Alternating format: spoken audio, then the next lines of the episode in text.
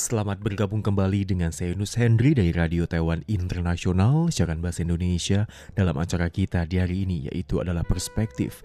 Di pekan ini saya akan mengangkat sebuah artikel yang berjudul adalah Ngozi Okonzo Iweala, wanita Afrika pertama yang digadangkan menjabat Sekjen WTO.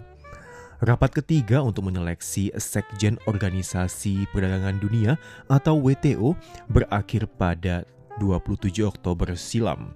Rapat tersebut awalnya diharapkan dapat memberikan daftar nama calon, tetapi akhirnya harus tertunda setelah suara anti Amerika Serikat muncul ke permukaan. Hal yang dapat dipastikan adalah bahwa pemimpin WTO berikutnya berasal dari kaum perempuan. Ini juga menjadi yang pertama bagi kaum perempuan menjabat sebagai sekjen WTO. Pada bulan Mei silam, Roberto Azevedo secara tak terduga mengumumkan pengunduran dirinya menjabat Sekjen WTO. Ini merupakan kedua kalinya bagi petinggi asal Brazil tersebut menjabat posisi ketua WTO. Menurut rencana, Roberto Azevedo baru mengakhiri masa jabatannya pada tahun mendatang. Prosesi pengunduran dirinya pun resmi berlaku semenjak tanggal 31 Agustus 2020.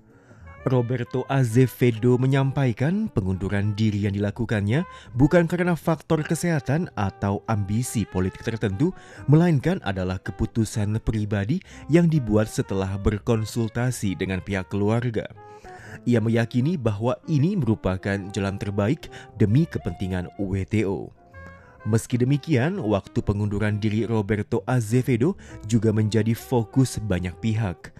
Apalagi di tengah kecamuk pandemi COVID-19, WTO perlu berupaya keras untuk menghangatkan kembali roda perekonomian.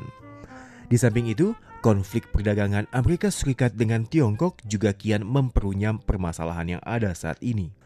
Terutama di saat Amerika Serikat memutuskan untuk memblokade dan mengajukan banding atas pengangkatan hakim dalam lembaga Appellate Body. Aksi negeri Paman Sam tersebut tentu saja akan melemahkan fungsi mediasi WTO, misal penyelesaian sengketa di negara-negara anggota. WTO didirikan pada tahun 1995 silam dengan beranggotakan 164 negara. WTO juga menjadi organisasi perdagangan terbesar di dunia. Meskipun tidak ada peraturan khusus terkait perekrutan sekjen WTO, tetapi suara mendukung calon pimpinan dari benua Afrika nyaring terdengar. Semenjak dibentuk, tiga sekjen WTO diketahui berasal dari benua Eropa, serta yang lainnya berasal dari Oseania, Asia, dan Amerika Selatan.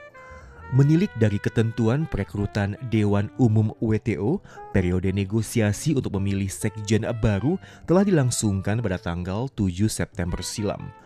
Menurut prosedur yang ada, keputusan siapa yang akan menduduki posisi pertama di WTO dapat ditentukan semenjak rapat negosiasi ketiga selesai digelar sekelompok perwakilan WTO telah mengusulkan agar Ngozi Okonjo Iweala yang berasal dari Nigeria menjabat sekjen WTO yang baru. Setelah pertemuan tertutup digelar di Jenewa, ketiga pimpinan rapat mengumumkan bahwa Ngozi Okonjo Iweala memperoleh dukungan terbanyak dan mendesak agar dirinya segera mungkin menjabat sekjen WTO berikutnya.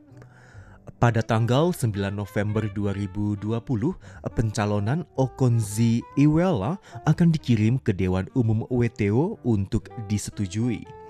Ngozi Okonjo Iweala adalah Menteri Keuangan dan Urusan Luar Negeri wanita pertama dalam sejarah politik Nigeria. Wanita berusia 66 tahun tersebut merupakan politikus yang mendapat banyak dukungan dari negara-negara Afrika, Dirinya pernah menjabat posisi penting Bank Dunia dan saat ini menduduki kursi Ketua Dewan Direksi Global Alliancy for Vaccine and Immunization atau Gavi. Ngozi Okonjo Iweala secara khusus juga ditunjuk oleh WHO untuk menjalankan misi penanggulangan COVID-19.